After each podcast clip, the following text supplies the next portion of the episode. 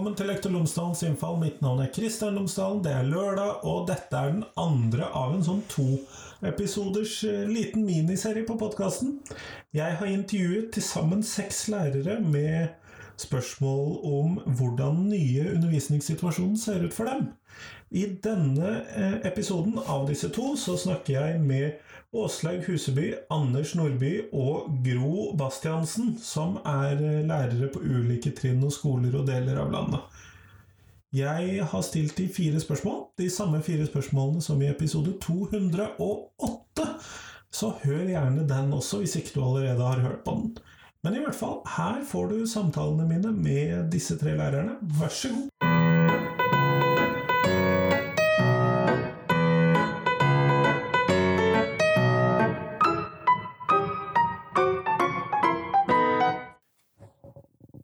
Anders Nordby, tusen takk for at du har tatt deg tid til meg i dag. Bare hyggelig. Før vi starter uh, intervjuet og går inn i spørsmålene, så kan du fortelle lytterne kjapt uh, litt om deg.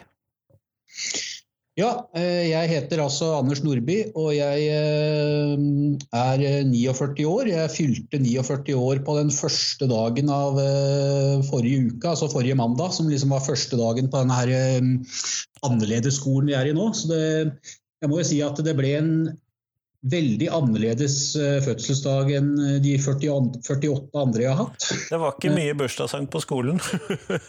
Nei, det var ikke det. Det, var, det gikk i ett hele dagen, men, men, men, vi kom oss igjennom det også. Jeg underviser altså i matematikk, naturfag og KRLE på Liebyen skole. Er i år kontaktlærer på åttende trinn, pluss at jeg har en tiendeklasse i matematikk. Jeg eh, er eh, gift med ei som er lærer på barnetrinnet i nabokommunen. Og jeg har eh, to sønner, Ragnar på seks år, som går i første klasse på Gullaug skole. Og så har jeg en sønn, Carl William, på 19 år, som spiller tuba. Og derav, altså i Høvik og Lier skolekorps. Og derav navnet Tubapappa, som podkasten min heter. Ja, det måtte ha en forklaring. jeg, hadde en, eh, jeg, hadde en, blogg for noen år siden som jeg bare skrev litt sånn uh, løst og fast om dette her å være mm, korpspappa og uh, hva vi drev med der. Men den ble plutselig borte fra Eh, så da har det liksom ligget uh, brakk en stund. Men så tenkte jeg nå dette her med podkast, det kan jo være spennende å prøve ut. Så derfor så gjenoppsto Tubapappa som en podkast, men da med mest med løsning av eksamensoppgaver for uh, mine elever på tiende trinn. Da. Jeg tenkte, tenkte at Uh, få en litt, sånn litt mer kanskje morsommere måte å uh, presentere eksamensoppgavene for mine elever på, og så samtidig kunne gå inn uh, og se, altså, koble det opp mot litt andre ting enn akkurat bare matematikken. Så eh, I tillegg til eh, å være tubaist, så er jo han eh, eldstemannen min han eh, sitter i kommunestyret i Lier eh, som den yngste representanten der. Vi har en god del diskusjoner om dette med skole og sånt hjemme her. da. Eh, og han er visepresident på Russen i Drammen. Og, ja, de har jo fått en ny hverdag. ja, de har jo russetid som uh, dessverre vel kommer til å utgå, og det er jo litt uh, trist for han og hele kullet, syns jeg da. Jeg uh, merka jo det at du du har jo vært en del engasjert med humanistisk konfirmasjon, så det, du merker vel det du også, at både for russen og for konfirmanter så blir det vel litt annerledes annerledes vår, dette her, enn det har vært vanlig. Ja, og det er det jo eller Nettundervisning blir det jo også der på konfirmantene. Men når du da setter opp en skole, så har vi jo da hørt at du har laget noen podkastepisoder for oss å se på eksamensoppgaver. Men eh, hvordan ser resten av undervisningen og uken ut for din del som eh, hjemmeundervisningslærer? Altså, jeg eh, For å si det sånn, så er jo hjemme, hjemmeskolen her er jo ganske hektisk. Da. Altså, det var derfor jeg bare sa det i innledninga, i og med at vi er eh, to som er lærere og som skal sette i gang våre egne elever. Og så har vi en seksåring som, eh, som, også skal settes i gang med sine ting, og som trenger en del eh, oppfølging. Selv om de lærerne på Gullaug skole gjør også en kjempejobb, det må jeg bare si. Når du da du og din kone får satt i gang undervisningen. Uh, du får satt i gang uh, minstemann med undervisningen. Ja. Følger du da elevene digitalt i klasserommet, eller er det oppgavejobbing? Eller hvordan ser ukene ut sånn sett for elevene dine? Men det er morgensamling, skjønner jeg jo da.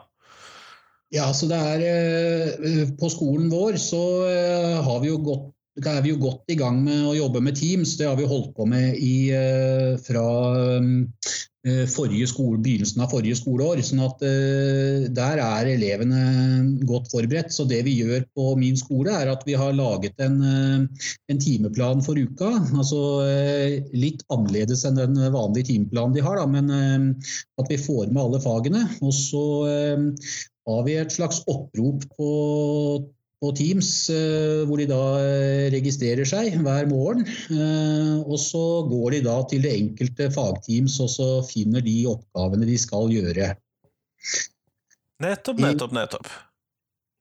I matematikk og naturfag, som jeg jobber med, da, så har vi jo drevet med omvendt undervisning, eller flipped classroom, eh, gjennom eh, campus og NOVA i eh, en god stund allerede. Så, så, det føler jeg vel fungerer veldig godt. At de da kan sitte og se på undervisningsvideoer der som en del av, av skoletimene sine.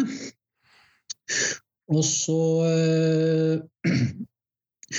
Og så eh, tar de da på slutten av dagen og så skriver en logg eh, om hva de har gjort i løpet av dagen. Mm, nettopp. Jeg kan jo tenke meg at for de elevene som er vant til flipped classroom, så er hva skal vi kanskje eh, overgangen litt mindre. Om ikke borte, så i hvert fall litt mindre, kan jeg tenke meg. Ja, jeg jeg eh, tror, jeg tror, det har gått uh, veldig greit. Og uh, det som, uh, som, mine elever sier, det er jo det at de, når vi har hatt Vi har jo også sånne videosamtaler med dem innimellom. at vi tar en Vi som er kontakten, tar en oppring hvordan det går, og gjerne de skrur på kamera, sånn at vi eh, kan se dem, de, eh, hvordan det faktisk er med dem. Men det er jo i hvert fall eh, at vi kan liksom se dem. Og det, det, de sier, det er jo det at de syns egentlig dette her er ganske ålreit. For nå kan de styre dagen sin litt mer sjøl. Kan på si, gå på do når det passer og ta seg pause når det passer, og så bare jobben blir gjort. Det er vel litt av den der fleksibiliteten som vi kanskje mangler gjennom en litt mer rigid skoledag til vanlig, med hvor timeplanen er satt. liksom. Ja, og det kan jo være en frihet som noen av de vil sette stor pris på, men som kan være litt vanskelig for andre. Ja, absolutt. Det er jo eh, stort sett så, eh, så eh, så er det jo eh, Så vil de jo gjerne få det til sjøl. Og, og, det er jo eh, det som vi prøver å oppfordre dem til også, å klare å finne ut ting sjøl. Eh, så jeg tror akkurat den delen er, fungerer veldig bra. Det er jo godt å høre. Er det noe annet sånt som du vil trekke fram som du syns fungerer veldig godt med denne typen, denne formen for skole? Ja, eh, jeg eh, tenkte jo litt Nå, jo, eh, nå ble jo kunngjort Abelprisen for, for 2020 ble jo kunngjort nå på onsdag. Ja, det så jeg. En av de vinnerne som het Hillel Forstenberg, han han uttalte seg jo i et eller annet medie, jeg husker, jeg tror det var Aftenposten, dette her med at de han hadde lært mest av det var de dårlige lærerne. Da måtte vi altså finne ut av mer eh, algoritmene sjøl. Og eh, det er vel kanskje en trøst da, for de som altså Jeg tror jo det som fungerer bra, og som, funger, som har virkelig fungert, det er jo lærerne i denne situasjonen her. sånn. Jeg syns vi skal være såpass Uh, altså, jeg syns vi skal uh, skryte såpass av oss sjøl at vi sier at dette er vi gode på, dette kan vi. Og uh, I en sånn situasjon hvor elevene må vise litt mer selvstendighet, så må de også kunne finne ut av litt ting sjøl. Så Derfor så, så, tror jeg enten det er gode eller dårlige lærere, så, så det som fungerer, det er lærerne. Og det gjelder vel for hele den norske skole. Ehm, men for elevene våre, da, så, eh, så er det jo eh, Og for andre elever overalt òg, for så vidt. Så er det jo altså det vi har eh, Det som jeg tror er suksessfaktoren, er jo det at vi har jo jobbet med dette her lenge. Dette her med at vi skal lære elevene dette her å dele dokumenter, dette her å jobbe via nett, det å vise nettvett, ikke minst. Og eh, det har vi jo jobbet med lenge. og eh, Derfor så skulle jo vi være de eh, beste til å takle akkurat denne situasjonen. Det er jo lov å håpe, men hva gjør deg betenkt ved denne situasjonen? Hva er det som du tror vi må tenke litt mer på? Jeg tror det som gjør meg betenkt, det er jo konsekvensene hvis dette kommer til å vare lenge.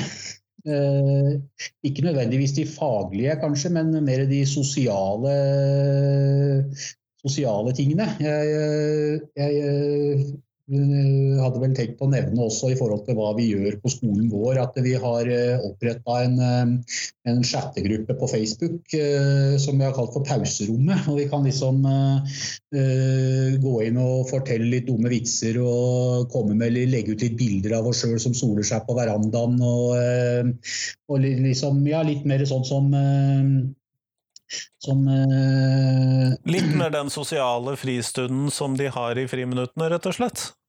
Ja, nettopp. Og, eh, sånn, akkurat sånn som det ville vært på, eh, på et vanlig lærerværelse. Liksom.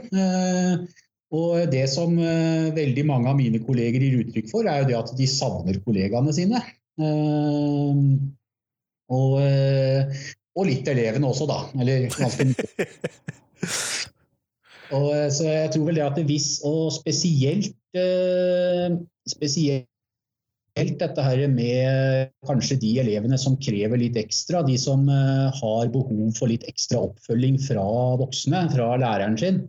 Eh, og hvordan, hvordan da, hvis dette blir en langvarig periode, hvordan det kommer til å innvirke på deres læring. Det at de nå ikke er i, i direkte kontakt med læreren på samme måte.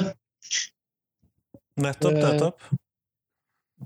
Mens på andre side så har jeg jo også en elev, altså jeg snakka jo om, og det her har jeg spurt både henne og foreldrene om var greit at jeg nevnte. Altså, for jeg har en elev som, eh, som er, eh, har dysleksi, og som, som nærmest vil gjerne få til alt mulig, og som dermed sliter seg helt ut i løpet av skoledagen. I hvert fall har den opplevelsen fra tidligere, og at du da liksom er helt pumpa når du kommer hjem. Og hun sa til meg at, eh, at akkurat nå denne perioden her, så følte jeg at nå kunne hun endelig liksom eh, jobbe i sitt eget tempo og få ting gjort sånn som hun ville.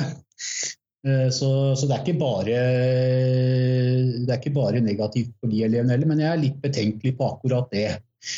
Men den største, den største kanskje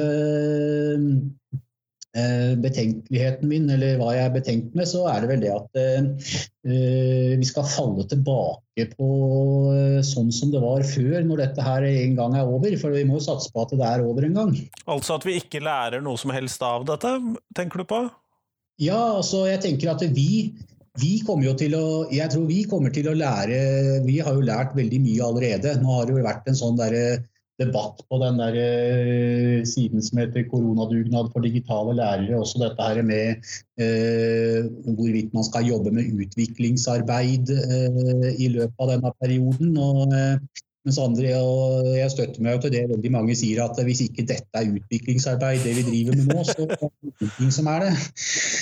Altså, eh, så jeg tror vel det at hvis eh, altså den, som jeg sier, Vi er jo gode på dette her med å være fleksible. Vi er gode på dette her med å eh, jobbe jobbe digitalt, og vi er gode på dette her med å kunne ta ting sånn som de kommer. Og Derfor så føler jeg vel eh, Det er litt eh, Selvfølgelig skal ikke drive og slå politisk mynt på noen ting, men det er vel kanskje det det er allikevel. Jeg føler vel kanskje det at eh, med de endringene som ble gjort i arbeidsavtalen vår i 2003, hvor vi skulle ha mye større tilstedeværelse på skolen, så, så føler jeg vel Så håper jeg vel kanskje det at vi nå har bevist at vi, ikke, vi trenger ikke å være så mye til stede. Og kanskje også da at de lederne våre også ser det at eh, her har vi en yrkesgruppe som faktisk greier å, eh, å jobbe utenfor eh, akkurat skolebygget. Jeg har, noe, jeg har ikke noe illusjoner om at det kommer til å skje, men det er vel kanskje mer bare et håp. og jeg er vel kanskje da, er vel kanskje da veldig betenkt på at um, at vi skal falle tilbake til akkurat sånn som det var før. At vi ikke da har lært noe av denne her, eh, perioden vi har vært igjennom nå. Eller altså at vi som lærere tror jeg vi har lært det, men også de som da Skolen som et sånt stort hele med politikere og alle sammen? Ja, altså de alt fra hele, hele, hele spekteret der, ja. Mm. Nei, men eh, Kjempeflott at du tok deg tid til meg i dag, Anders. Jo, bare hyggelig. Det var veldig hyggelig å få være med. Så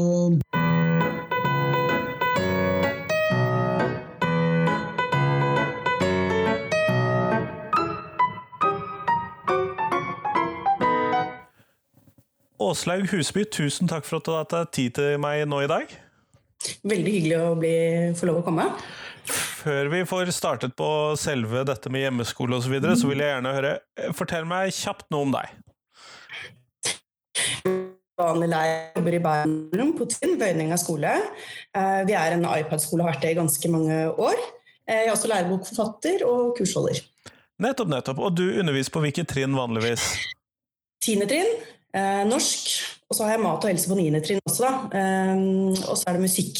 Nettopp. Så du har jo Norskfaget er jo det som man liksom I hvert fall på skolen til mine barn, så er det der man har startet liksom med fokus. Men de to andre fagene er kanskje litt vanskeligere? Ja, jeg vil si at uh, utfordringen er absolutt størst i de praktiske fagene. Helt klart. Men kjempeflott. Vi starter, så Hvordan ser hjemmeskolen ut for deg, uh, når du nå lager hjemmeskole for elevene? For det kan vi jo gjøre på veldig mange måter. Ja, uh, det er jo på en måte et eh, ganske sånn stort felles sånn liksom skoleutviklingsprosjekt. Man blir bare sånn hevet ut i uten å rekke å tenke seg om. Og så er jo premissene eller rammene ganske annerledes enn de er til vanlige. Både fordi at alt skal foregå digitalt, og i tillegg til at man er i en litt sånn unntakssituasjon som gjør at man på en måte må ivareta elevene kanskje enda bedre enn vanlig. Og det kan jo være utfordrende i seg selv. Um, og vi begynte jo da uh, I Bærum kommune så bruker vi den plattformen Showby. Og det har jo ikke noen muligheter egentlig for noen sånn videokonferanser eller sånne ting. Eh, så det behovet så vi veldig veldig fort at det var der. Eh, så det begynte vi, så nå har vi en sånn morgensamling alltid eh, med kontaktlærere med klassen. Hvor tidlig gjør dere det? Til vanlig tid, for vi har en fast timeplan. Så det er halv ni til kvart på ni. Så den er ganske kort, med litt sånn intro om dagen, hvordan ting går. Og så velger jo elevene i hvilken grad de ønsker å, å være med på det. Eh, altså De er med, men hvor mye de deltar med, med, å snakke. da. Som egentlig det er sånn som det er i klasserommet ellers også. Ja, det er jo eh, egentlig så fordi at man tar jo vanligvis ikke en sånn morgensamling så veldig mye mer enn et kvarter en vanlig dag uansett. I hvert fall ikke på de store nei, trinnene. Vi, nei, vi har jo egentlig det bare hver mandag, en sånn morgensamling. Vi har ikke det ellers, men vi ser jo at behovet er der nå. Eh, og elevene uttrykker at de syns det er veldig fint, for det er på en måte ja, det er den måten vi kan ha kontakt på. Um, og så tipper jeg at hvis dette kommer til å vare lenge, noe jeg har mistanke om at det kommer til å vare en stund, så kommer vi jo sikkert til å utvide og bruke det mer i timene også. Uh, ja. Um, eller så har vi da en felles timeplan for trinnet, uh, og det syns jeg er en ganske stor fordel. Uh, fordi da betyr det at alle norsklærerne er på samtidig når alle de fire norskklassene på tiende trinn har norsk. Og vi er fire norsklærere, vi er heldige. Um, så da betyr det at vi samarbeider tett og lager ganske sånn detaljerte opplegg. Det krever jo ja, mye mer detaljplanlegging. Det er ikke så mye rom for stunting som man kan gjøre ellers. ikke sant? Eh, og Man kjenner jo ikke heller pulsen i klasserommet sånn som man gjør ellers. Men da, det er jo litt de utfordringene man står overfor igjen. da. Eh, så hver dag ser litt forskjellig ut, men eh, halv ni til kvart på ni har vi morgensamling, og så har vi en økt før lunsj. Eh, og så har de tre kvarter lunsj, og så har vi en økt etter det igjen. Så det er to sånne to totimersøkter. Nettopp, nettopp. Mm. Men det høres ut som dere prøver å opprettholde skolehverdagen i ganske stor grad, da? Ja, um, og det, det, det, er veldig mye diskusjoner om akkurat det, det der. For sant, man tenker på dette med elevenes psykiske helse og ivareta dem. Og jeg er som sikkert veldig mange andre også opptatt av den relasjonen til elevene og opprettholde den. Um, altså, jeg synes ikke det er noe sånn, jeg tror det er viktig å opprettholde noe nettopp for å ivareta den psykiske helsen også. Og så må man ha den dialogen og tilrettelegge for hver enkelt elev innenfor de rammene som er. Da. Så det er jo Noen elever jeg gir andre oppgaver eller gir enkeltinstrukser, ikke sant? og så har man en sånn felles instruks også. I tillegg til at de tar jo en god del kontakt. Altså mange, det er mange telefoner i løpet av en dag. Um, I tillegg til at de sender meldinger på Showby eller på Messenger eller hvor det måtte passe seg. Jeg tror det er viktig at man kan møte elevene litt der hvor de er, faktisk. Um, og jeg ser jo også at noen elever, de, de, som kanskje ikke tar så mye kontakt i klasserommet, er blitt flinkere til å ta kontakt. Og så har du de som faller ut igjen, som vanligvis er flinke til å ta kontakt i klasserommet, som ikke tar det så mye her. Så det, det oppstår en litt sånn annen dynamikk så det krever jo en sånn annen type årvåkenhet som jeg syns er ganske vanskelig å få til, egentlig. Jeg har alltid tenkt at eh, teknologien har bidratt til liksom, si, vært et positivt bidrag til relasjonen til elevene, fordi den gjør at du får med deg flere. Men jeg tenker jo at nærværet i klasserommet og, og, teknologien til sammen de kompletterer hverandre. Og Det er det som blir så vanskelig nå, for nå blir jo det ene fjernet. Så jeg kan ikke vite hvordan personen lukter, eller jeg kan ikke se når blikket flakker litt. jeg kan ikke, ikke sant, Alle de tingene der som man bare er eh, Så Hvordan skal jeg vite at jeg har alle med meg hele tiden?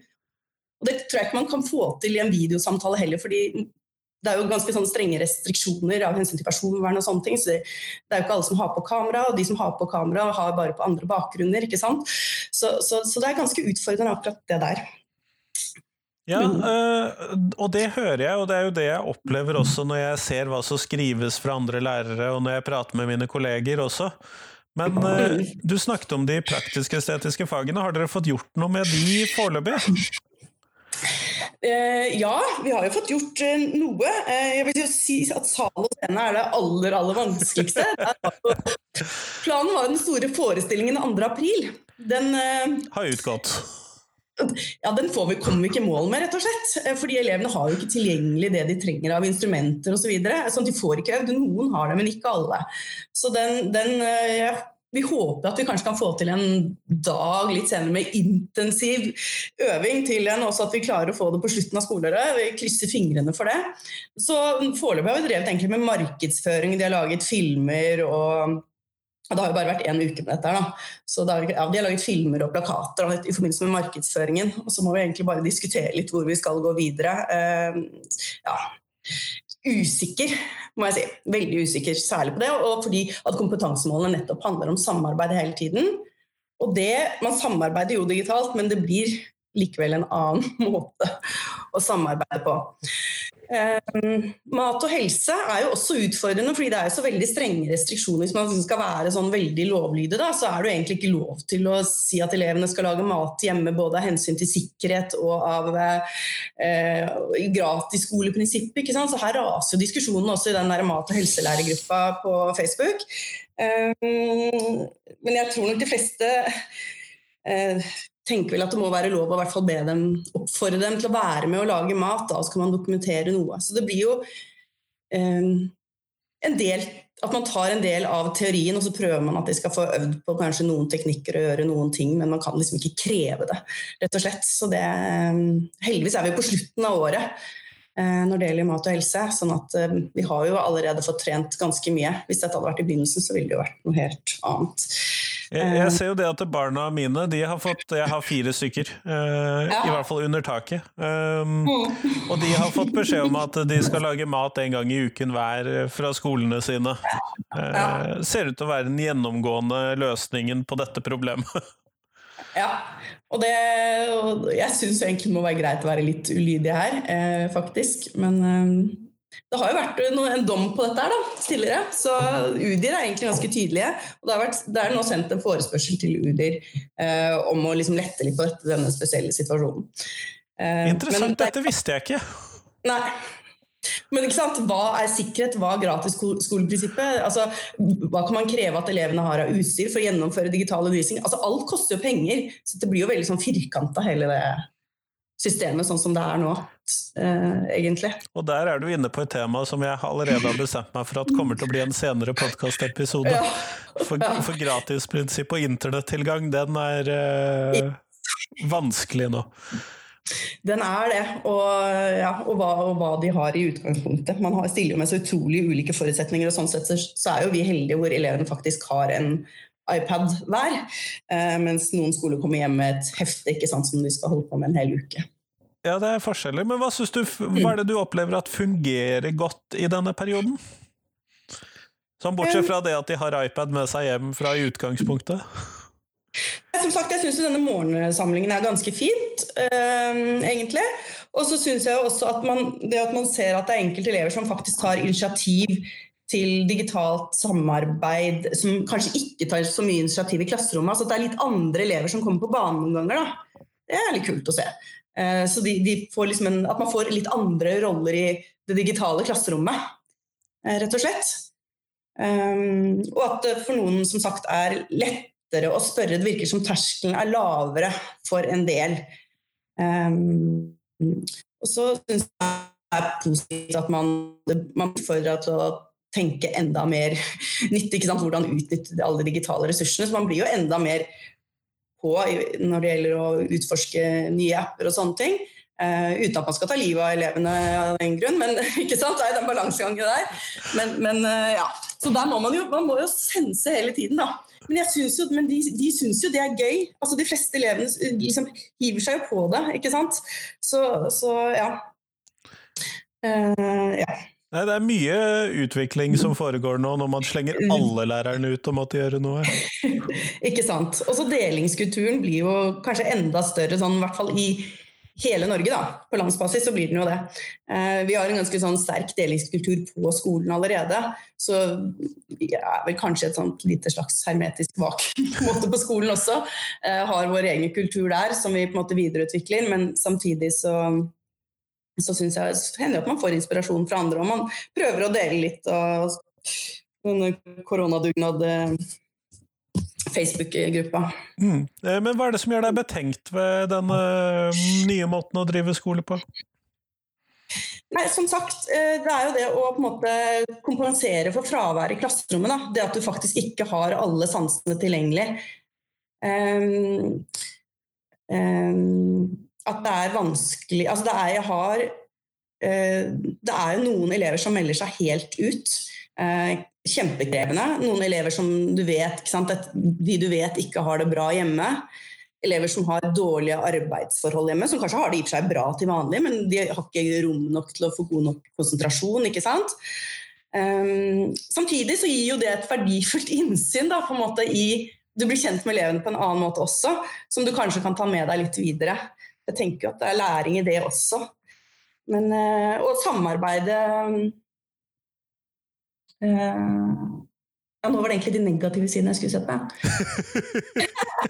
Jo, Ja, nei, det jeg, jeg syns jo det er positivt at, du, at det primært sett er en grunnleggende positiv holdning her, og hvor du da kan ta med deg noen av de negative sidene over i noe av det positive. Ja men, ja, men hva annet skal man gjøre, da? Altså, Man kan jo ikke sette seg ned og surre eller grine. Det, det går jo ikke. Det er ikke noe alternativ. Du må jo bare få det til å funke på et eller annet vis.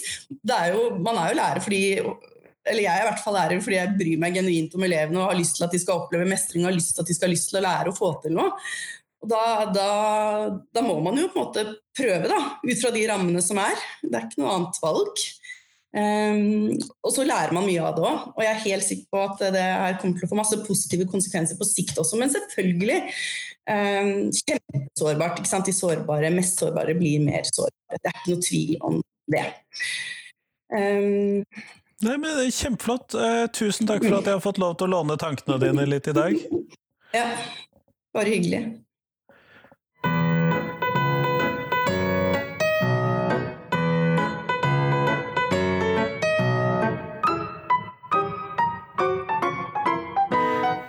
Gro Elisabeth Bastiansen, tusen takk for at du har tatt deg tid til meg i dag.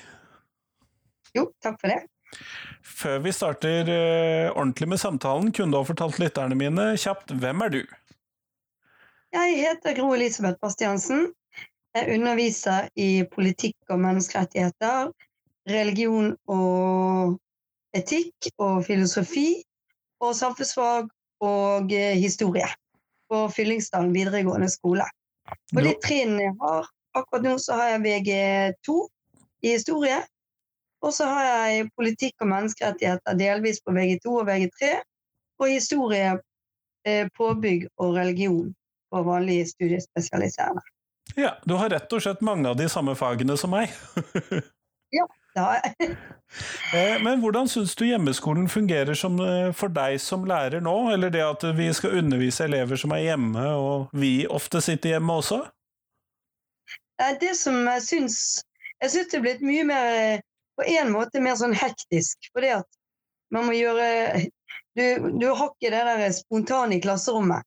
Så alle det blir, det blir, liksom enda, det blir en, en enda mer grundigere eh, forberedelse av forelesninger. Altså det blir en annen forberedelse av forelesninger enn jeg har hatt før.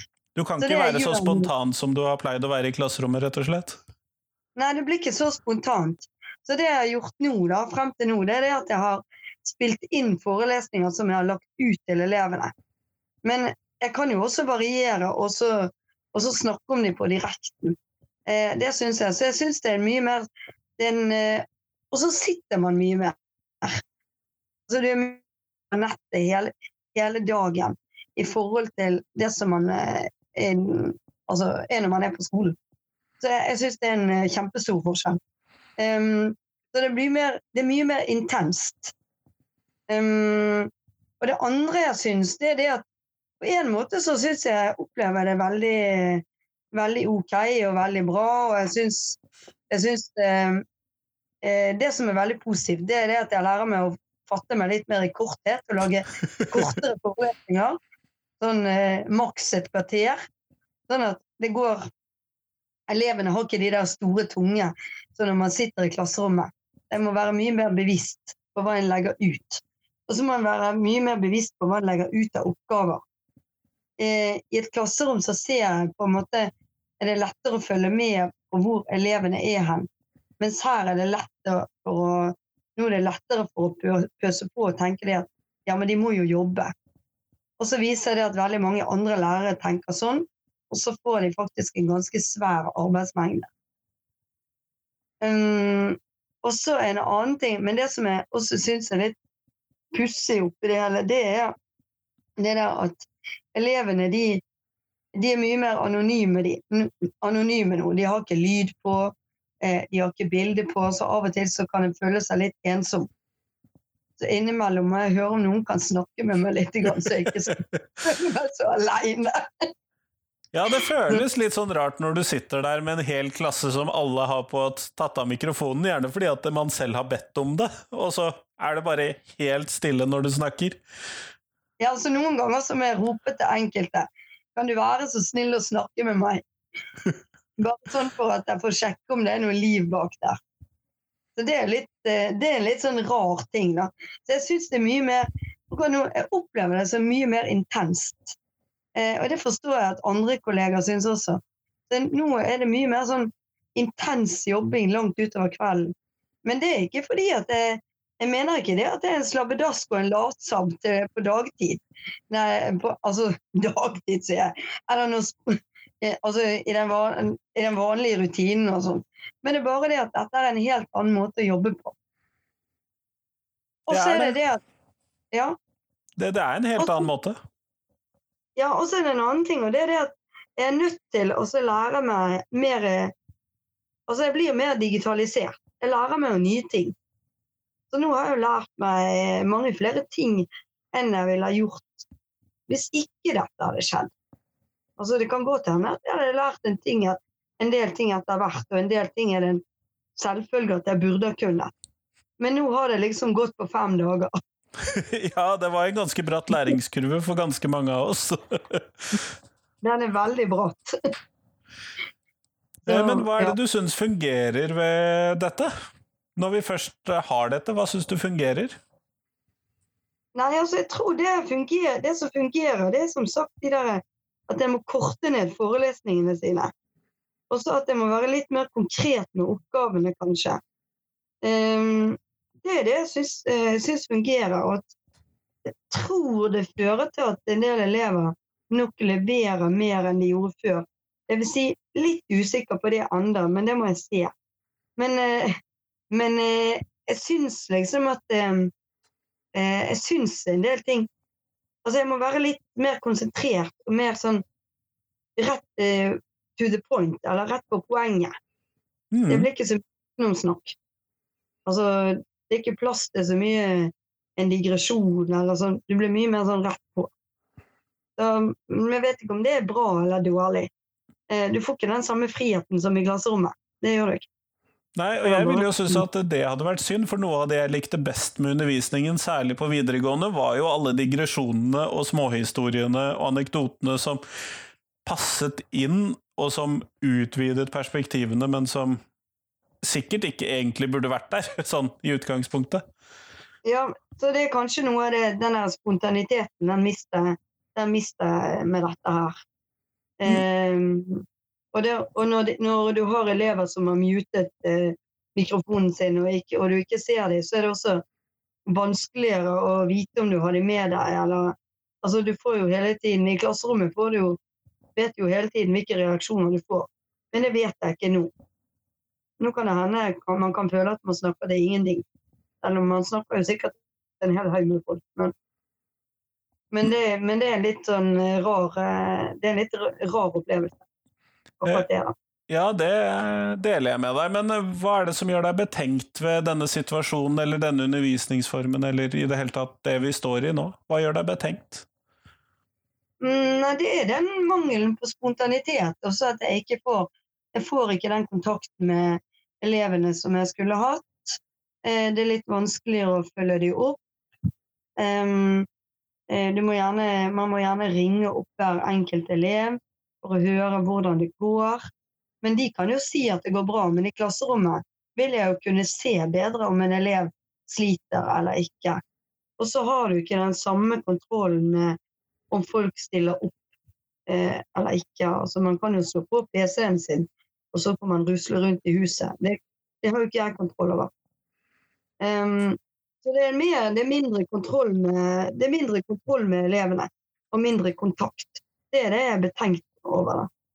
Så, men å bruke det som en variasjon i undervisningen sånn i etterkant, å bruke det til å variere med, det, det ser jeg ikke bort ifra. Men, men jeg syns vel ikke at dette her er noe sånn ideell ting å holde på med i veldig mange uker. Nei, eh, og det er jo spørsmål hvordan fordi at Hvis vi skal drive kriseskole i to uker Nå viser det seg at vi skal drive kriseskole da i fire-fem uker. Eh, så er jo det noe annet enn eh, ut året, eller til og med neste år. Ja, ja det er jo det. Nå leste jeg at, nå hørte jeg at det var til og med ut påske, altså 14. april.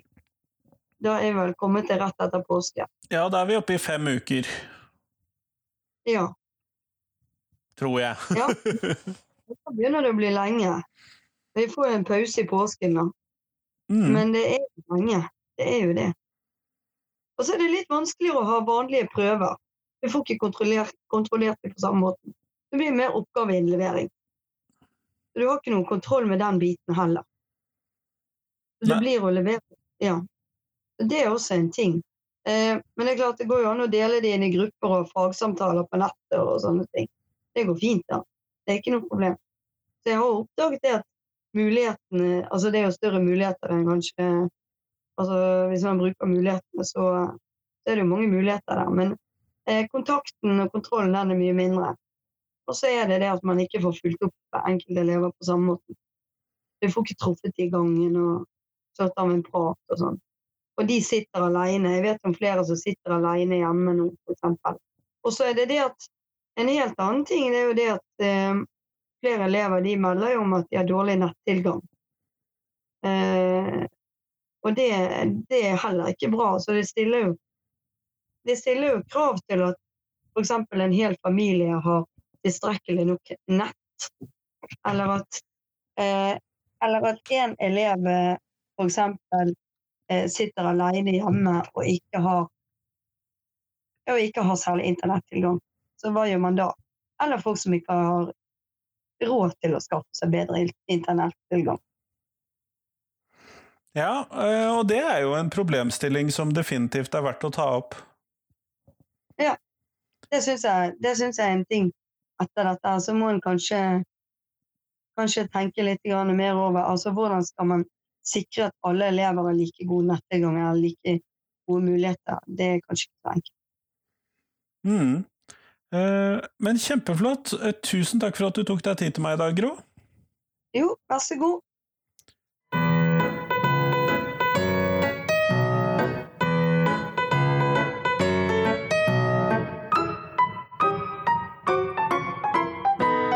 Tusen takk til Åslaug, Anders og Gro, og tusen takk til deg som hørte på. Dette tror jeg ikke kommer til å bli vanlig at jeg slenger ut to episoder av gangen, men jeg syns det var viktig at alle disse seks opplevelsene av hvordan det er å være lærer nå for tiden, i denne situasjonen, kommer ut samtidig og får komme ut mens de ennå er ferskvare. Derfor gjorde jeg det sånn. Heretter så kommer det nok til å bare være én koronaspesialepisode i uken, i tillegg til en ordinær podkastepisode om hva skal vi kalle det, vanlige temaer. Jeg håper også at uh, vi alle er flinke til å dokumentere hva vi gjør, dokumentere tidsbruken på det vi gjør, osv., så sånn at vi kan ta dette med oss inn i fremtidige lønnsforhandlinger, fremtidig skoleforskning og fremtidige praksisendringer, sånn at vi kan lære mest mulig av denne situasjonen. Det tror jeg kommer til å bli viktig. Jeg håper også at disse podkastepisodene kan være en del av dette og bidra inn i dette. Kanskje et ganske hårete mål, men eh, vi må jo satse på at én, eh, at situasjonen kommer tilbake til normalt. To, at vi kan lære av det. Og tre, at uh, vi kan bruke dette på en måte som er positiv for norsk skole, for norske lærere og for norske elever. Det tror jeg er viktig. Men i hvert fall, fram til tirsdag, da kommer det en helt ordinær episode. Da skal vi høre om mobbeforskningens historie med Cecilie Boge. Det tror jeg blir veldig bra. Men i hvert fall, fram til da, ha en god helg. Hei, hei.